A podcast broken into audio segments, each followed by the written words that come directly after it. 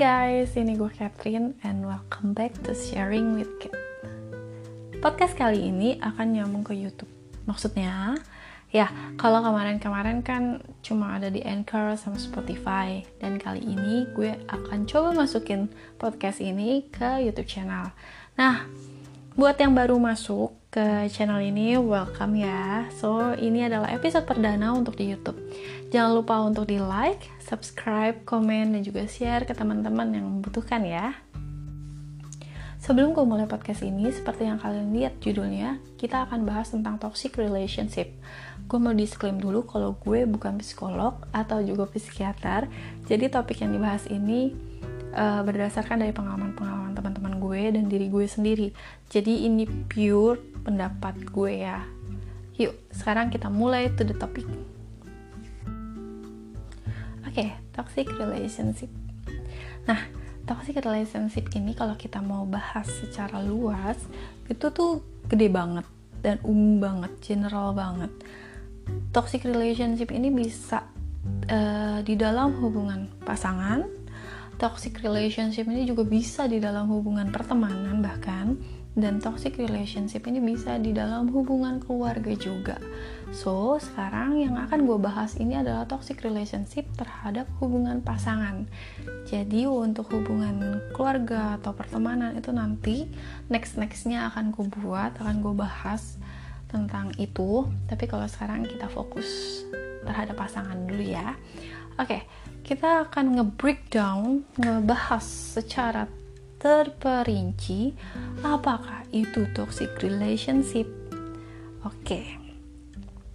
Toxic relationship menurut gue adalah sesuatu hal yang akan dirasakan kalau kamu sudah di dalam hubungan itu dalam waktu kurun waktu yang lama. Jadi bukan yang sebulan dua bulan gitu uh, kalau awal-awal tuh nggak akan berasa. Nah, kenapa nggak berasa? Yuk kita bahas dari awal. Ada yang namanya tahap PDKT atau alias pendekatan. Nah, pada PDKT itu biasanya tuh orang-orang kayak yang, aduh, bisa ngasih sesuatu yang paling sempurna paling oke. Okay. bisa kasih semuanya dengan benar-benar super deh gitu kan. Ya iyalah orang kita mau dapetin gebetan ya kan? Mau nyari pacar masa mau ngasih yang jelek ya kan? Dan pasti memberikan respect yang terbaik. Itu hakikatnya memang pasti akan seperti itu guys yang namanya PDKT makanya orang-orang bilang aduh PDKT itu masa-masa yang paling indah. Ya emang benar yuk lanjut. Setelah PDKT kalian jadian dong pasti gitu kan. Kalau diterima ya kan. Awal-awal pacaran. Kenapa ya tadi gue bilang pas awal-awal nggak akan berasa? Nah kenapa? Karena ada yang namanya fase honeymoon. Nah fase honeymoon itu ya apa ya gitu kan. Masa honeymoon itu istilahnya honeymoon guys. Honeymoon itu kayak bulan madu gitu lagi cinta-cintanya lagi kasmaran lagi berbunga-bunga gitu kan. Nah fase-fase kayak gini nih kalau kalian ngomong sama teman kalian gak akan berguna guys kalau teman kalian lagi di fase ini. Kenapa? Ya iyalah kamu cuap-cuap berbusa-busa mulutmu udah keluarin waktu energi itu nggak akan berguna karena dia sedang berubah menjadi batu. Masuk kanan telinga kanan keluar telinga kiri. Yang aduh nggak akan ada gunanya. Ya iyalah namanya juga orang lagi jatuh cinta kan? Kucing pun rasanya jadi coklat gitu. Nah, karena ada fase honeymoon itu sendiri, awal-awal pacaran tuh pasti masih nunjukin ya, I love you, aku nggak bisa jauh dari kamu, aku nggak bisa tuh kalau baru ketemu bentar terus aku pasti kangen lagi gitu kan. Terus masih yang namanya ada kata respect pasti. Masih bisa video callan teleponan bisa sampai pagi mungkin ya. I don't know gitu kan. Biasa kan pasangan beda-beda ya. Terus makin lama makin lama makin lama makin lama gimana gitu kan. Masih ada? Masih masih ada tapi akan timbul satu kata yang namanya nyaman. Bukannya nyaman itu enak ya, bukannya nyaman itu bikin kita makin sayang. Yes, pasti, pasti. Dan nyaman itu juga bisa membuat kita memaklumi satu sama lain. It's a good thing, sangat bagus. Dan kadang saking nyamannya, kita akan merasa dia nggak akan kenapa-napa kok kalau gue gini, nggak akan kenapa-napa kok kayak kalau gue gitu ya udahlah dia pasti ngerti kok. Ya udahlah. Jadi kita punya asumsi kita sendiri. Dan kayak itu lebih oke okay lah. Dia udah ngerti gue gue udah ngerti dia. Kayak gitu. Dan kata nyaman ini pun sama kayak istilahnya bisa karena terbiasa. Dan seperti kamu nyaman terhadap pasangan kamu ya kamu nyaman karena sudah terbiasa. Seperti itu. Dan setelah itu karena ada munculnya asumsi akan ada penurunan respect. Nah penurunan respect itu menurut gue itu awal dari toxic relationship. Sebenarnya toxic relationship itu secara terperinci itu apa? Nah toxic relationship itu dari bahasa Inggris toxic racun relationship itu hubungan. Kalau digabung jadi hubungan yang beracun. Tapi sebenarnya hubungan beracun yang seperti apa sih? Bukannya menjalin hubungan itu seharusnya sehat ya? Seharusnya bahagia karena kamu yang milih dia gitu kan? Iyalah seharusnya ya seperti itu. Seharusnya berbahagia seharusnya sehat. Tapi toxic relationship itu di saat kamu merasa saling mengontrol saling abuse saling memanfaatkan dan sehingga kamu merasa yang awalnya punya pribadi yang baik menjadi pribadi yang berbeda atau jadi bukan kamu lagi. Loh, bukannya perubahan pribadi itu bagus? Iya, kalau ke arah yang baik dan positif. Nah, kalau ke arah negatif, itulah yang membuat hubungan yang seharusnya saling menyayangi dan saling bahagia ini menjadi hubungan yang tidak sehat dan jadi beracun. Oke, sekarang gue akan bahas lagi ciri-cirinya toxic relationship ini apa. Ciri-ciri yang paling signifikan dalam toxic relationship adalah kekerasan fisik. Guys, aku nggak tahu di luar sana mau cewek mau cowok itu bisa melakukan kekerasan fisik dan kalian kalau di dalam suatu hubungan terjadi kekerasan fisik just go jangan dipertahankan sebuah hubungan yang seperti itu. Itu nggak worth it. Kenapa aku bisa bilang seperti itu? Karena kalian dilahirkan oleh orang tua kalian dididik di disayangi sehingga orang tua kalian itu merasa anakku itu berharga. Terus lu mau pacaran sama orang yang bisa cuman nyakitin secara fisik Apakah kalian bahagia dengan itu? Pokoknya apa pun alasannya, please just go. Itu udah termasuk penganiayaan loh. Gitu. Sekarang gue akan ngasih penjelasan tentang ciri-ciri yang lain selain kekerasan fisik ya. Nomor satu, kurangnya dukungan satu sama lain terhadap pasangan. Jadi dia merasa bahwa terjadi persaingan tuh satu sama lain Aduh, kalau udah kayak gini, satu-satunya jalan keluar adalah saling support satu sama lain. Kan kalian pasangan, bukan musuhan, kenapa harus saingan gitu kan? Ya, emang itu jalan keluarnya ya bertindak suportif dan saling mensupport, saling membantu, saling mendukung.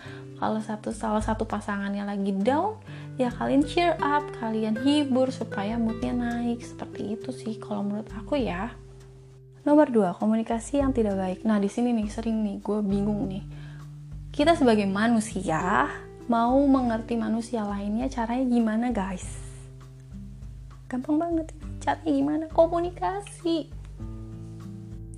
Masa iya pakai telepati atau kita berubah jadi uh, peramal supaya kita tahu apa yang dia mau, apa yang dia inginkan, apa yang dia butuhkan kan nggak mungkin guys, Iya kan? Aduh, untuk cewek-cewek atau cowok-cowok di luar sana udah nggak usah pakai kode-kode. Kalian tuh lagi nggak buat website kalian tuh lagi nggak buat aplikasi kalian itu sedang dalam hubungan. Jadi langsung ngomong straight to the point maunya apa butuhnya apa pengennya apa supaya apa supaya nggak saling jadinya kecewa satu sama lain. Kalian pikirin aduh aku pengen ini. Pas dateng mau dikasihnya itu kan gak nyambung ujung-ujungnya sedih ujung-ujungnya berantem jadi don't waste your time buat sesuatu yang gak penting gitu sih terus uh, komunikasi yang tidak baik itu seperti apa lagi Komunikasi yang tidak baik lainnya itu seperti perkataan kasar. Nah, perkataan kasar ini bisa menjadi sebuah penghinaan. Nah, kalau ada suatu penghinaan, ini bisa menjadi uh, titik mulainya verbal abuse. Nah, verbal abuse itu apa? Verbal abuse adalah pernyataan bernada negatif yang ditunjukkan kepada seseorang. Dan biasanya korban dari verbal abuse itu bukan ke fisik ya guys. Kalau tadi kan kekerasan fisik ke fisik. Kalau ada verbal abuse itu lebih ke mental dan kalau udah mental itu udah beda lagi treatmentnya dan kasihan yang pasti kalau fisik sih masih kelihatan lukanya kalau mental mana kelihatan lukanya yuk kita lanjut lagi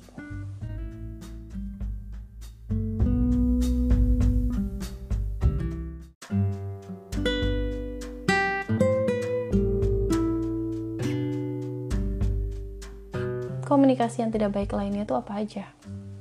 Komunikasi yang tidak baik lainnya yaitu kritik. Nah, kenapa kritik dibilang komunikasi yang tidak baik? Rata-rata dari kalian pasti ngomong, loh kok nggak boleh kritik pacar gue sendiri sih? Kok nggak boleh sih? Kan gue mau kasih yang lebih baik gitu. Nah, guys, ini gue kasih tahu kalau kritik sama keluhan itu berbeda. Loh, bedanya apa? Nah, menurut John Gottman, keluhan itu adalah di saat kita mengeluhkan perilakunya, bukan orangnya ya tapi kalau kritik kita mengeluhkan subjeknya atau orangnya. Jadi apa pun yang orang itu lakukan, baik atau enggaknya buat kita, tapi kita memang gak suka jadinya sama orangnya karena kita memberikan kritik. Jadi lain kali kalian jadi tahu nih sekarang kritik sama keluhan itu beda guys, oke? Okay? Nah, kalau kalian sudah di dalam hubungan yang komunikasinya tidak baik, caranya gimana sih supaya keluar dari hubungan yang tidak baik itu, gitu kan, yang komunikasi tidak baik tapi masih mau mempertahankan? Caranya adalah kalian harus mengontrol diri kalian sendiri. Loh, kenapa gitu? Iya, karena kita nggak bisa ngontrol reaksi orang lain terhadap kita.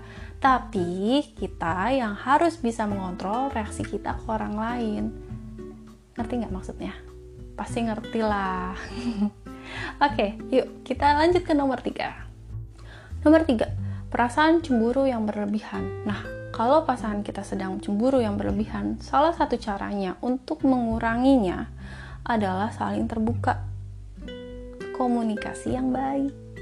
Apa yang sedang dipikirkan, apa yang sedang terjadi, apa yang sedang uh, pasangan kita cemburuin itu apa, ya kan? Kenapa? Karena terkadang kecemburuan itu bisa jadi hanya kesalahpahaman aja. Simple ya sebenarnya, tapi ya balik lagi. Jangan kode-kode, kasih tahu kasih tahu aja. Yuk kita lanjut lagi. Nomor 4. Nah, kalau untuk nomor 4 ini cukup banyak banget yang dirasakan orang-orang. Apa itu? Adanya kecenderungan ingin memegang kendali atas hubungan dan kehidupan pasangan, alias dominasi atau dominan. Seperti yang kita tahu, hidup kita ya kita punya masing-masing. Walaupun jalan yang kita tempuh, pasangan kita atau kita itu berbeda. Kenapa? Karena kita punya latar belakang masing-masing yang berbeda. Cara didik orang tua juga berbeda pasti kan. Dan itu yang bisa membentuk pribadi kita masing-masing. Jadi kita nggak nggak bisa menginginkan pasangan kita seperti apa yang kita mau, tapi apa yang dia butuhkan sebenarnya yang kurang apa kita bantu. Dia nggak ngerti kita ajarin, kalau dia nggak ngerti lagi ya diajarin lagi dengan cara yang baik gitu. Terus juga kalau misalnya udah di dalam hubungan seperti itu yang dominasinya tinggi, caranya gimana sih? Caranya adalah kalian harus lebih dewasa, kurangin egoisnya kamu. Karena dia manusia loh, pasangan kamu ini manusia gitu. Dia punya perasaan, dia punya cara pikir dia sendiri gitu kan. Bukannya dipaksa untuk menjadi seperti apa, tapi dibantu agar dia menjadi orang yang lebih baik gitu. Terus lanjut selanjutnya apa?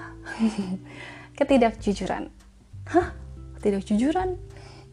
Ya pastilah, ketidakjujuran itu adalah fondasi yang sudah hancur. Karena jujur itu adalah fondasi yang kuat. Jadi dalam hubungan diperlukan kejujuran dari segala aspek.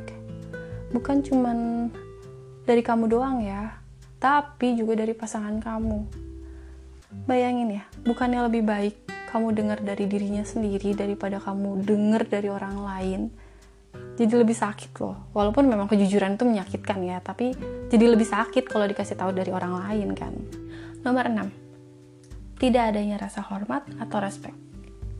Bayangin aja ya, kalau hubungan kalian tuh nggak ada rasa respect sama sekali, hubungannya mau jadi apa?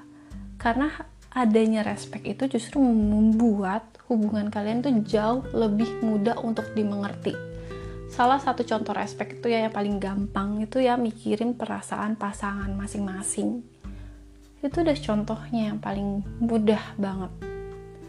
Dan kamu mau mengharapkan pasangan kamu untuk respect ke kamu, tapi kamu nggak mau respect ke dia. Kan nggak bisa gitu. Harusnya kita saling respect untuk sebuah hubungan yang jauh lebih baik lagi. Bener dong? Oke, okay, tadi adalah ciri-ciri toxic relationship-nya. Sekarang kita lanjut ke gimana caranya kalau kita udah tahu kita ada di toxic relationship, tapi mau tetap mempertahankannya. Caranya cuma ada dua. Yang pertama, diskusikan dengan diri kamu sendiri. Setelah diskusikan ke diri kamu, kita lanjut ke nomor dua yaitu pasangan. Nah, apa aja sih yang didiskusikan sama diri sendiri? Kenapa gue bilang harus tanya juga ke diri kita sendiri? Ya karena pada dasarnya ya hal yang paling dirugikan dalam sebuah hubungan adalah diri kita masing-masing. Bukan cuma perempuan, bukan cuma laki-laki, tapi kita masing-masing ya, sendiri-sendiri. Nah, coba tanyakan ke diri kita, apakah kita bahagia dengan hubungan ini? Apakah capek nggak sih menjalani hubungan seperti ini? Apakah ini berharga nggak sih untuk dipertahankan atau enggak itu contoh-contohnya ya dan juga kalian bisa pikirkan uh, plus minus dari pasangan kita. Kalau misal kalian susah untuk cuman mikirin doang kalian bisa kok catetin plusnya apa minusnya apa. Terus kalian bandingin lebih besar minus atau plusnya. Apakah dia bisa bikin kita bahagia apa enggak? Itu contohnya.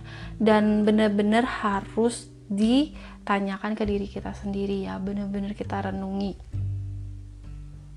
Nah kalau sudah tanya sama diri kita masing-masing, tanya juga ke pasangan kamu sekarang. Komunikasikan dengan cara yang baik, apa yang kamu rasakan, apa yang kamu pikirkan, apa yang kamu mau, apa yang kamu butuhkan. Dan jangan cuman kamu doang, tapi tanya juga sama pasangannya. Kamu, apa yang pasangan kamu butuhkan, inginkan, pikirkan, mau. Karena akan berbeda jawabannya satu sama lain. Nah, kalau memang terlalu beda, terlalu jauh, cari jalan tengahnya. Gimana supaya hubungan ini tetap berjalan dengan baik dan sehat? Ingat, kalau ngomongin kayak gini, harus dalam kondisi kepalanya dingin, atau memang posisinya kalian ingin terbuka dan tidak menghakimi. Gitu. Kalian juga harus bersikap lebih dewasa dan ingin berubah jauh lebih baik lagi. Dan yang pasti pasangan kamu juga merasakan hal yang sama, bukan cuma kamu ya, tapi pasangan kamu. Jadi harus dua-duanya. Kenapa? Karena kalau kamu doang, dia nggak mau pertahanin kamu gimana? Ya udah, mendingan nggak usah dong, ya kan? Kalau dua-duanya mau, ya pasti bisa. Kalau ditanya susah nggak? Ya pasti susah, pasti nggak ada hal yang terlalu mudah untuk didapatkan tapi kalau kalian sudah bisa melewati hal ini, kalian satu tingkat lebih dewasa, kalian naik tingkat lagi untuk hubungan kalian menjadi lebih serius dan lebih sehat, ya kan? Dan yang pasti kalian akan menjadi pasangan yang lebih baik lagi. Gitu. Jadi udah bukan toxic relationship lagi. Jadi singkat singkat jelas padatnya, sebenarnya apa sih yang kalian butuhkan? ya saling menerima dan bersyukur aja itu. Perubahan itu baik kok. Dan menjalankan perubahan itu membuat kita berkembang setiap harinya. Tapi ingat kita itu harus tetap dengan pribadi kita masing-masing. Setiap hari itu kita belajar. Setiap hari kita belajar dengan siapa pun. Belajar itu dari mana aja? Dari pengalamannya mereka pun juga pelajaran yang berharga loh buat kita. Pelajaran dari siapa aja? Dari keluarga kamu teman-teman kamu. Bahkan dari orang tua kamu itu bisa semuanya. Jadi jangan takut untuk berkembang. Jangan takut untuk keluar dari zona nyaman. Karena itu sangat bagus buat kamu perkembangan diri kamu. Bahkan dengan hubungan kamu mungkin. Kira-kira itu aja yang mau gue sharingin ke kalian semua. Hope you like it guys. Dan terima kasih juga kalian mau dengerin gue cuap-cuap sampai habis dan juga gue open buat kalian semua yang mau curhat atau mau kami mau topiknya dibahasin juga boleh boleh langsung komen, boleh langsung ke IG gue, ke Instagram gue, langsung DM aja di situ. Gue bakal langsung balesin ke kalian. Dan juga stay healthy at home ya.